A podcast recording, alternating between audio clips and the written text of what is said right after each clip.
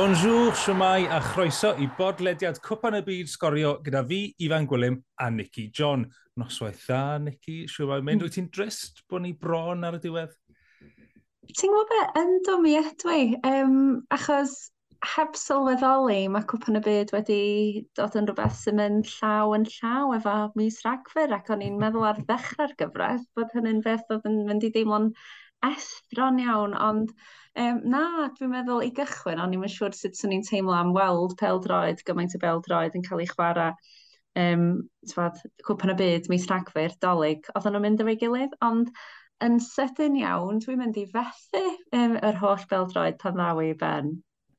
Ie, yeah, fi'r peth, fi'n fi mynd i fe, weld fethu y peldroed a fi'n ceri y, y, y gwers yw bod cwpan y byd yn ffantastig, dim ots pryd mae'n digwydd, ond fi'n ceri mae excitement dolyg wedi really cymryd uh, sedd gefn i beth bydde fe fel arfer erbyn hyn, dod, deg diwrnod neu be bynnag tan dolyg. fel arfer bydden ni lot fwy excited, ond ie, yeah, copa yn y byd wedi cymryd drosto.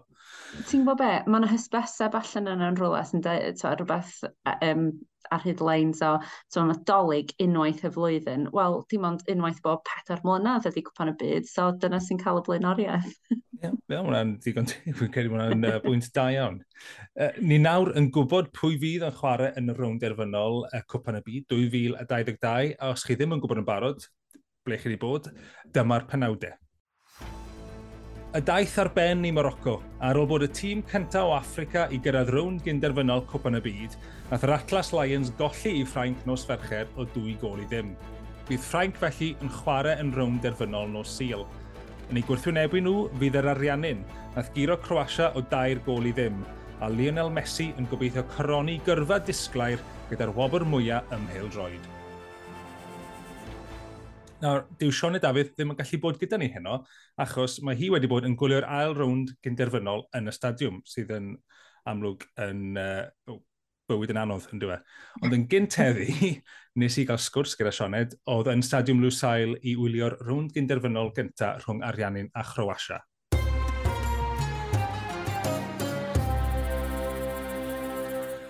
bore da, Sioned. Siw mae'n mynd mas na yn Qatar. Gobeithio bod i twymach na mai fan hyn yn Gyrdydd. Ie, yeah, just bach yn twymach. Fi wedi gweld y lluniau o'r eira a phopeth a mae rai fi ddim yn genfi genis. Ond ie, yeah, Qatar yn gret. Mae, mae rai fi, mae'n glwch fi. Mae 10 glwch o bore fan hyn. Dys i nôl o gêm uh, yr ariannu'n yn erbyn Croatia neithwr, ond o'n i ddim nos bod ti a hanner wedi doi tri o gloch y bore, achos oedd hi'n dipyn o siwrne o'r stadiwm, so mae'r llais siwr o fod yn swnio bach yn flinedig, ond ie, yeah, am, am ganlyniad i'r ariannu'n, fi'n fi teimlo fel bod ni jyst yn ailadrodd yn un o ran mesgu ar ariannu'n, ond unwaith eto, noson, really, really special i Mr Messi. Ie, yeah. o, o ti yna yn stadiwm Lusail ar gyfer y geim na nebyn Croatia, siwr oedd yr awyrgylch, achos ar tledi oedd yn edrych yn drydanol rhaid i wedi. Ie, yeah, so o'n ni, en, o'n i ochr arall y stadiwm i, i gymaru â cefnogwyr yr Ariannin. Pan nes i weld yr Ariannin ar erbyn Mexico, o'n i sain deall pam, ond o'n i smack bang yng nghanol cefnogwyr yr Ariannin. Felly, a hwnna heb os, cyddi o'n i'n gweud ar y pod, un o'r profiadau gorau fi wedi cael yn watchan Game o Bildrod. So, neithio'r bach yn wahanol, o'n i just uwch ben cefnogwyr Croatia, a dim lot o'n nhw pwr dab. So, o'n nhw fel, o'n nhw siŵr fod yn edrych fel cor bach ar y tyledu. Um, ond ie, yeah, fi'n credu oedd hi'n oedd hi'n gêm fach eitha odd, achos oedd y fel sydd wedi cymryd spel i bethau ddechrau digwydd. Fi'n credu Croatia nath ddechrau'r cryfa heb os. A wedyn gath yr ariannau yn y gic o'r smotyn, lot o gwestiynau o ran os oedd hi'n gicor smotydd yn bersonol fi'n credu oedd hi. Um, a wedyn nath hwnna, oedd hi'n game over, really, unwaith i'r ail gol na fe mewn, a wedyn oedd Croatia fod dabs jyst i rhedeg mas o syniadau, ti'n gallu gweld nhw'n wneud yr holl rheol ar wneud yr holl newidiadau yma wrth i'r gêm fynd mlaen, ond ie, yeah, fi'n credu dim ond un tîm oedd oedd yn mynd i ennill. O'n i ddim yn disgwyl iddi fod yn dair gol i ddim, o'n i'n meddwl bod i'n mynd i fod lot lot o gosach, ond ie, yeah, mae Messi drwyddo i'r ffeinal a just... ti'n cael... Sa'n gwrs os mynd rwy'n di gweld The American Office, ond ti'n mynd yn olygfa yna pan maen nhw fel, it's happening, it's happening, everybody stay calm. Mae fe'n tymlo fel a chydig. Nid just o ran cefnogwyr ar, ar arian, ond cefnogwyr Pale Road yn gyffredinol. Hmm. Ie, yeah, o'n i'n mynd i ofyn am hwnna o ran gallen ni fod yn gweld Messi yn codi'r clws. Um, amlwg, maen nhw wedi ennill dwywaith o blaen a gwylio neithwr, oedd e yn neud fi feddwl am beth pan ennill nhw gyda'r 1978, achos oedd gymaint o gefnogwyr ariannu'r yna, oedd e'n edrych fel game gartre nhw, a just ticker tape oedd ar goll i wneud edrych fel scenes 1978. Ond y cymhariaeth fwyaf falle gyda 1986, nath Maradona mm. ysbrydoli nhw, fel mae Messi wneud nawr. oedd yr achentwy ti siarad gyda mas yna, ydyn nhw'n siarad am dod, y tebygrwydd gyda Messi a Maradona a nawr a 86? Oh, cant y cant. Fi'n cadw meddwl am Cymru ni'n gweud Spirit of 58. Definitely Spirit of 86, y cefnogwyr a'r, yr ar ariannau mas fe. O'n i'n digwydd bod, o'n i'n eisiau dros nesaf um, i dyn o Buenos Aires, Eric, dyn lyflu, a fi'n credu, oedd i Saesneg e ddim yn gred, a oedd e ddim Sa'n credu oedd e'n trio bod yn patronising ar bwrpas o gwbl, ond trwy gydol y gêm, oedd e'n eistedd yna dros nesaf i ddweud yna, yes, and then in 1986, Diego Maradona, you know him? Yes, he won the World Cup, and he just yn eistedd yna fel, oh, yes, yes. Um, felly, ie, yeah, mae bendant y tymlad yna, a ti just... Fi wedi siarad y cefnogwyr mas yma, mae cymaint o weithiau fi wedi clywed cefnogwyr yn ariannau yn gweud, o'n i bai bod Messi'n ennill cwpwn y byd, dyw y dyw e ddim yn mynd i gyrraedd yr un lefel am Maradona. Felly, fydd hi just yn stori dylwyth teg, a pan i ti'n meddwl am trwy'r ffaith bod Ronaldo mas nawr, bod Neymar mas nawr, a hefyd, just o ran Ronaldo, so pawb yn meddwl o bosib, wel, lot o bobl yn meddwl o bosib, os ta hwnna fydd y ffeinal, hwnna, tyfod, diwedd y daith, Ronaldo fi methu, tywed, gadewch ni benderfynu, tyfod, am y tro na pwy yw'r gorau, ond jyst y ffaith bod Ronaldo wedi cael tournament mor wael ar y ca, ond oedd hi ar y ca hefyd. Tywed, mae agwedd e pan i ti'n gweld y tantrums mae wedi cael wrth ochr y ca. Mae, mae Messi jyst wedi bod mor classy a jyst mor... Mae fe jyst wedi bod ar dan. A Fi jyst yn meddwl nôl i'r rhediad yna nath e ar gyfer y drydydd gol yna i'r ariannin. A mae yna clip ar Twitter cefnogwr yn yr stadiwm oedd yn ffilmo, mae'r ongl jyst yn anhygol. A fi wastad bach fel, fi'n mynd bach yn annoyed pan fi'n gweld cefnogwyr yn ystyr yn just ar ei ffôn e nhw'n ffilmo'r holl gêm. Ond mae'r clip me, mae hwnna'n ma hwnna ffain, achos mae fe jyst yn briliant. A mae yna foment ble mae fe fel sy'r stadiwm yn mynd yn hollol dawel. Mae hwnna'n rhyw eiliad neu ddwy. Achos mae pawb jyst yn watchan y dyn mewn rhedeg, a mae fe, oh, mae fe jyst yn edrych fel bod ar blaned arall. Felly, ie, yeah, mae, mae fe di bod mor mor special, gallu, twa, fi wedi bod yn lwcus iawn, di gweld Messi yn wario ddwywaith yn y tournament yma. A nawr byddai'n gallu gweld am y tryd y tro yn y ffeitha. Ie, mae fe, cytuno gyda ti am, pan ti yr cystadliaeth na rhwng fe a Ronaldo, mae Ronaldo di blawd o'i really, gyda ffordd mae mm. ymddwyn trwy hyn, enwedig gyda Messi ddim o'r dda. So, Messi ar 11 gol nawr ar draws pob cwp yn y byd mond 5 sydd wedi sgorio mwy na fe, mae Pele ar ddeuddeg, a mae siams da, sy'n Messi'n sgorio yn y rownd derfynol, equal ar Pele ar, uh, yn Cwpan y Byd, i ennill y clws. Bydd e hwn... Fi ddim yn fan mawr o'r goat debate yma. Ie. Yeah. Ond... Yeah. byddai'n setlo fe bron o bwn, bydd e, fe. Tawelu'r Ronaldo fans. O, oh, fi'n credu bydd y ddadl ar ben. Os unrhyw beth bydd y ddadl ddim o bodoli ragor o ran Messi a Ronaldo. Achos fi wastad i gweud, mae Messi'n gallu neud be mae Ronaldo wneud, ond dyw Ronaldo ffili neud be mae Messi wneud, a fi'n credu na beth sy'n neud Messi yw o'r gorau mas o'r ddoi yna, heb os. Yeah. Bydda, um, Ronaldo ddim wedi gallu gwneud y rhediad yna. Neitha, well, no way, no way.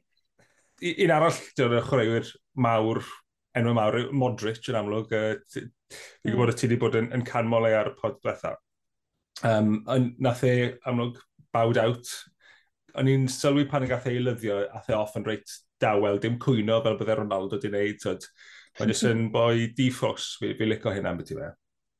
Ie, yeah, a nefel mae fe'n ware hefyd, ti'n mae fe jyst yn, ac jyst yn dawel iawn yn mynd wrth i waith, ond jyst yn y ffordd mwyaf effeithiol a fi'n credu dyw, e, dyw Modric ddim yn cael ei gynnwys digon fi'n credu yn y rhestr yna o'r chwaraewyr gorau ni wedi gweld o ran yn cynhedlaeth ni heb os. A oedd e'n eitha special pan gath ei eilyddio, oedd e'n cerdded off y ca, oedd pawb o gwmpas y stadiwm yn clapo.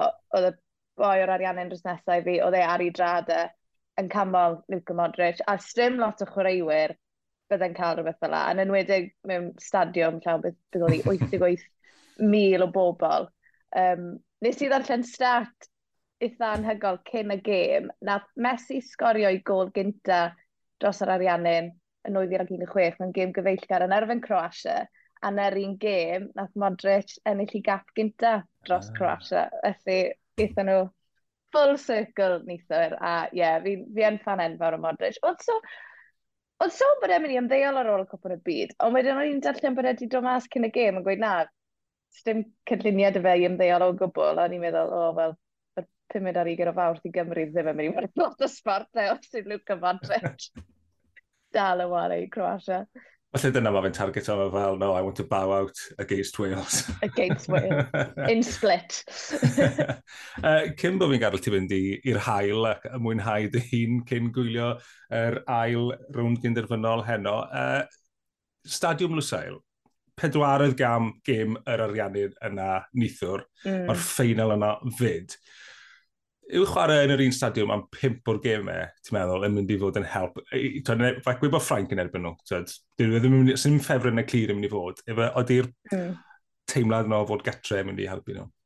O bosib, dwi'n gweud, o'n i'n cael gwmwys o'r un sgwrs um, gyda cwpl o bobl neithwr, a yn bersonol, sa'n credu dylsyn nhw wedi ware un o'r gemau gynderfynol yn Lusail. Fi'n credu dylsyn nhw wedi just cadw fe ar gyfer y ffeinal, achos mae dyty Mae Ffrainc Morocco yn Albeit, a wedyn ni yr stadiwm arall sy'n gallu dyla'r fwyaf bobl, fi moyn gweud tua 6, 55 i 60 mil yw stadiwm Altamama, a hynna na ble oedd gêm Morocco-Portugal. Fi fi'n credu dylsyn nhw wedi iwso Altamama a Albeit ar gyfer y rowndiau gynderfynol, a wedyn cadw Bwyseil ar gyfer um, y rownd derfynol. Achos, beth sy'n ddiddorol hefyd, ti'n gallu gweld mae'r ceia, mae lot o bil drod wedi cael ei wario ar y ceia yma hyd yn hyn, a oedd y car nhw seil neithwr. Ddim oedd e'n...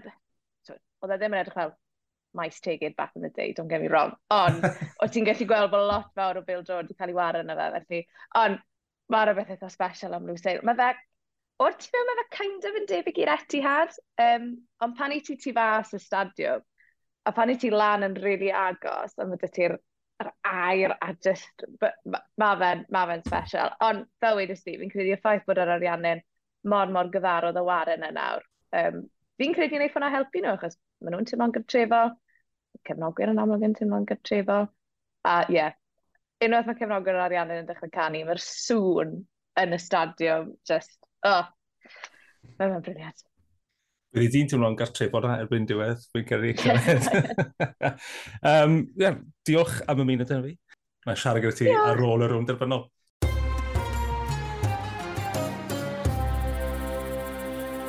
Nicky, ni wedi bod yn gwylio Frank Morocco yn yr ail rwnd gynderfynol heno uh, Frank yn Ciro, dwy gol i ddim, be wneud i o... Uh, nid yn unig y gêm heno, ond hefyd, yn amlwg, mae rhaid sôn am Morocco ar daith maen nhw wedi cael. Dwi'n gwybod. Um, so, yn un o'r penodau um, flaenorol, nes di ofyn pwy o'n i'n meddwl oedd yn mynd i gyrraedd y, y ffeinal. A fi oedd yr unig un i ddweud yn anghywir erbyn hyn, gawn i ddweud yr arian yn, yn erbyn Morocco. A dwi'n meddwl, ynghlwm efo hynny, oedd yna chydig bach o just caru stori yr underdog, chydig bach yn ormodol. Um, Maen nhw wedi bod yn wych drwy, drwy gydol yr holl gystadleuaeth hyd yn hyn. Um, Maen nhw wedi bod yn... Tod, uh, maen nhw wedi... Dwi'n meddwl bod, bod y, y cyhoedd wedi disgu mewn cariad efo nhw chydig bach, um, just oherwydd bod nhw wedi bod yn underdog bod nhw wedi synnu gymaint o bobl. Um, ond ie, falle Ffrainc, just un cam yn ormod, um, un, un her yn ormod, cam rhy bell iddyn nhw. So, dwi'n meddwl ar un ystyr, oedd nhw bach yn anlwcus, achos mi oedd na sicr, oedd na gyfleuon, ac oedd na gyfnodau hir o'r gêm lle o'n i'n teimlo oedd nhw'n rheoli'r chwarae. Twod, edrych nôl ar yr hanner cyntaf na, y, y gic na, um, fatha overhead kick nath, nath hitio'r traws, just twad, unrhyw arddwrnod arall, falle efo chydig bach o look, so honna di mynd i fewn. Ond o Ffrainc just So, maen nhw just touch rhy dda, dydyn, a dyna pam mae nhw wedi'r deiliad, a dyna pam maen nhw sydd wedi cyrraedd yr rownd derfynol arall. O'n i, nes i fethu y dechrau dechrau, so nes i fethu'r gol, wedi gweld ti, oedd hwnna'n un acrobataidd hefyd yn dod. Ond o be wedi si, oedd Morocco'n dda iawn pan oedd i dal yn un i ddim, a oedd nhw dal yn y gêm. Ond nhw'n edrych, ond nhw'n creu cyfleoedd a jyst dim yn gallu neud yn rhywbeth pan oedd yn cyrraedd y cwrt rydw. Oedd byth yn gallu cael yr, shot on target. A ie, yeah, trist iawn gweld e, ond ti'n hyd yn oed bod nhw wedi colli nawr i gael chwarae Croatia, Gwlad Belg, Sbaen, Portugal a Ffrainc, a mond ildio dwy gol rhwng yr holl gem yna, mae record amddiffynol nhw'n wedi bod yn wych er gweitha dod, colli dwy ddim, feddwl, dod, Croatia yn ildio tair yn erbyn ariannu, dod, dwi ddim yn hawdd ar y lefel yma i dal Ffrainc sy'n yn ddeiliad lawr i ddwy gwych o'n i'n meddwl. Ond ie, yeah, oedd e'n edrych fel bod, ie, yeah, cam rhy bella, erbyn diwedd y gêm o'n nhw'n blino, a ni'n meddwl, nath Marcus Tŵr am dymlaen, a oedd e'n ffantastig o'n i'n meddwl, oedd e'n llon llaw iddyn nhw, a pa, pa, pam ni'n weld mwy ohono fe, really, so, achos oedd e really yn dda, a wedyn ni eilydd arall, uh, Randall Colomwani yn sgorio gyda'i gyffredau cyntaf, fi'n meddwl. Nes i'n credu eiliadau ddim ar y can, de.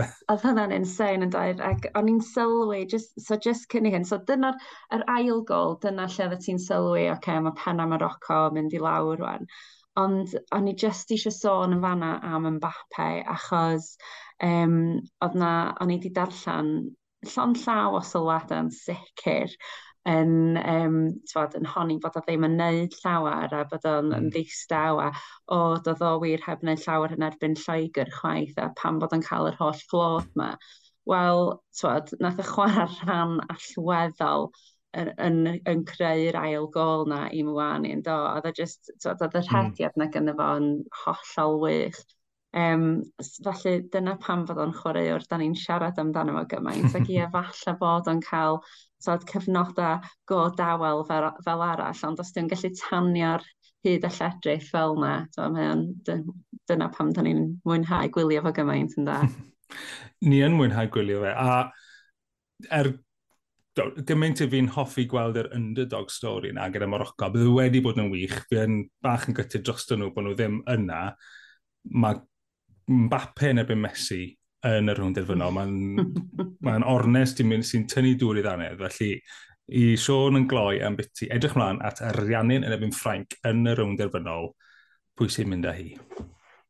Dwi'n gobeithio yr Ariannin yn syml oherwydd dwi'n credu mae Messi yn chwaraeo'r synheiddi ychwanegu'r slws yna yw, yw restr o um, ac yn amlwg dyma fydd i gyfle olaf felly i mi ar sail hynny yr ariannin a'r ffaith dwi'n gwybod os welys di a chlywes di yr holl ddathliadau oedd yn mynd ymlaen am oriau yn Buenos Aires wedyn. O, sa'n wych i fod yn ganol hynny yn fysa. Um, so ie, yeah, yeah, yr ariannin a Messi i mi. Fi'n fi, cytuno, a, a dim jyst achos taw ariannin sydd gyda fi'n y sweepstake, ond ie, yeah, oh, yeah. i, i goroni gyrfa Messi gyda uh, cwpan y byd. A gan taw, mae gymaint o gymhariaeth rhwng fe a Maradona. Yeah. A be nath Maradona llwyddo i wneud oedd ennill cwpan y byd, a dyna sydd wedi bod ar goll yn uh, trophy cabinet Lionel Messi. Bydde fe yn, yn wych gweld e yn llenwi, yr, yr, yr, yr un silff na sydd yn wag gyda fe i, i, i lenwi'r bwlch yna, bydde fe'n gret. Yeah. Yeah, Ond cytuno. byddwn ni'n ôl dechrau wythnos nesaf, Nicky, i drafod yr rownd derfynol ac hefyd gael golwg ar uh, y cwpan y byd yn gyffredinol, beth, beth yw'n uchafbwyntiau ni, a hefyd golwg ar y ser bydd wedi ennill cysadlaethau bach na ar ddiwedd yr, yr tlysau bach, sef y Golden Ball am y chwaraewr gorau, y Golden Boot am y brif sgoriwr, Golden Glove am y golwr gorau a'r gwobr am y chwaraewr ifanc. A fi'n credu bydd y Golden Ball a Golden Boot yn gysylltiaeth rhwng Messi a Mbappe. Unwaith eto, mae'r ddau nawr yn sgorio 5 yr un a, wel, os oes un o'n nhw'n sgoro yn yr rownd derfynol, nid yn unig byddwn nhw'n ennill y Golden Boot, yn byddwn nhw'n sicr weld yn, yn ennill y Golden Ball hefyd. Ond uh, syniad gyda ti am ble fydd rhai o'r lleill yn mynd? Um, o, ti'n gwybod be, dwi, dwi wastad di bod yn fan o gampa golgau dweud, a dwi'n meddwl da ni wedi cael yn difetha yn y gystadlaeth yma, yn enwedig os ti'n ystyried y, twed, y pedwar tîm sydd wedi bod yn ôl ar ôl yn y rowndiau um, cyn derfynol yma. Ac i mi, un sydd wedi sefyll allan, wel, er, er colli y dair gol i ddim yn erbyn yr ariannau. No. Dwi'n meddwl bod Dominic Dovacvic i Croatia wedi bod yn wych. Tywed, y ffaith hefyd bod o ond yn 27 sydd dal fel gol geidwad yn oedran weddol ifanc pan ti'n ystyried tywed, pa mor, pa mor her mae rhai ohonyn nhw'n mynd ymlaen i chwarae yn erbyn.